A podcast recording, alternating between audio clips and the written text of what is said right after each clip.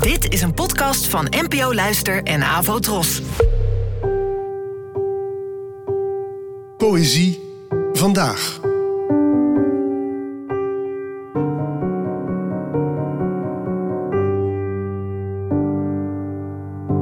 Hallo, dankjewel dat je luistert. Het gedicht van vandaag is geschreven door Ischa Meijer.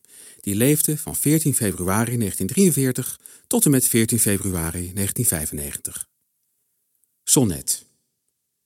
Soms loop ik s'nachts naar het Victorieplein. Als kind heb ik daar namelijk gewoond. Aan vaders hand zijn zoon te zijn. Op moeders schoot te zijn beloond om niet. Om niet is het dat ik hier ga.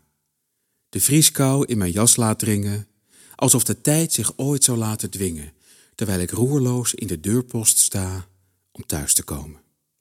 En zo simpel is de gang om tot dit moeilijk inzicht te geraken. Dat ik geen kind meer ben. Dat ik verlang naar iemand die nooit kon bestaan. Een jongetje dat alles goed zou maken. De tijd die stilstond en hem liet begaan. De interviewer, schrijver, presentator en enfant terrible Ischa Meijer werd zo ongeveer overal bekend mee, behalve met zijn gedichten. Hij heeft er, bij mijn weten, ook maar twee gepubliceerd, waaronder dit sonnet. Ik vind het een ontroerend gedicht, omdat het me iets duidelijk maakt over een jeugd die ik zelf nooit heb kunnen ervaren.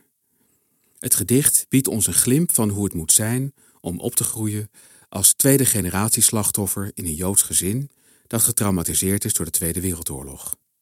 Voor wie goed leest, schemert alle ellende die dat met zich meebrengt er doorheen.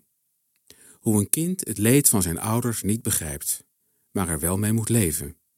En met de bovenmenselijke druk om die ouders minstens een gelijkspel met de holocaust te bezorgen. De verwachtingen van je ouders inlossen, hoe redelijk of onredelijk ze ook zijn, hoe onbewust of hoe duidelijk ze ook zijn overgebracht. Het is een taak waarvan je de meeste kinderen niet hoeft te overtuigen. Een kind is van nature al noodlottig doordrongen van de behoefte om geen mislukking te willen zijn in de ogen van zijn ouders. Tot het kind geen kind meer is en beseft dat het allemaal om niet is. Dat toen er eenmaal dingen gebeuren die niemand ooit echt goed kan maken. Een moeilijk inzicht dat wellicht een begin van berusting brengt, maar waarschijnlijk niet. Want de tijd dwingen om stil te staan in plaats van omgekeerd, het is immers de tijd die ons allemaal op onze tijd stilzet, is waarschijnlijk eenvoudiger dan zo'n jeugd te moeten verwerken. Bedankt voor het luisteren en tot het volgende gedicht. AfroTros, de omroep voor ons.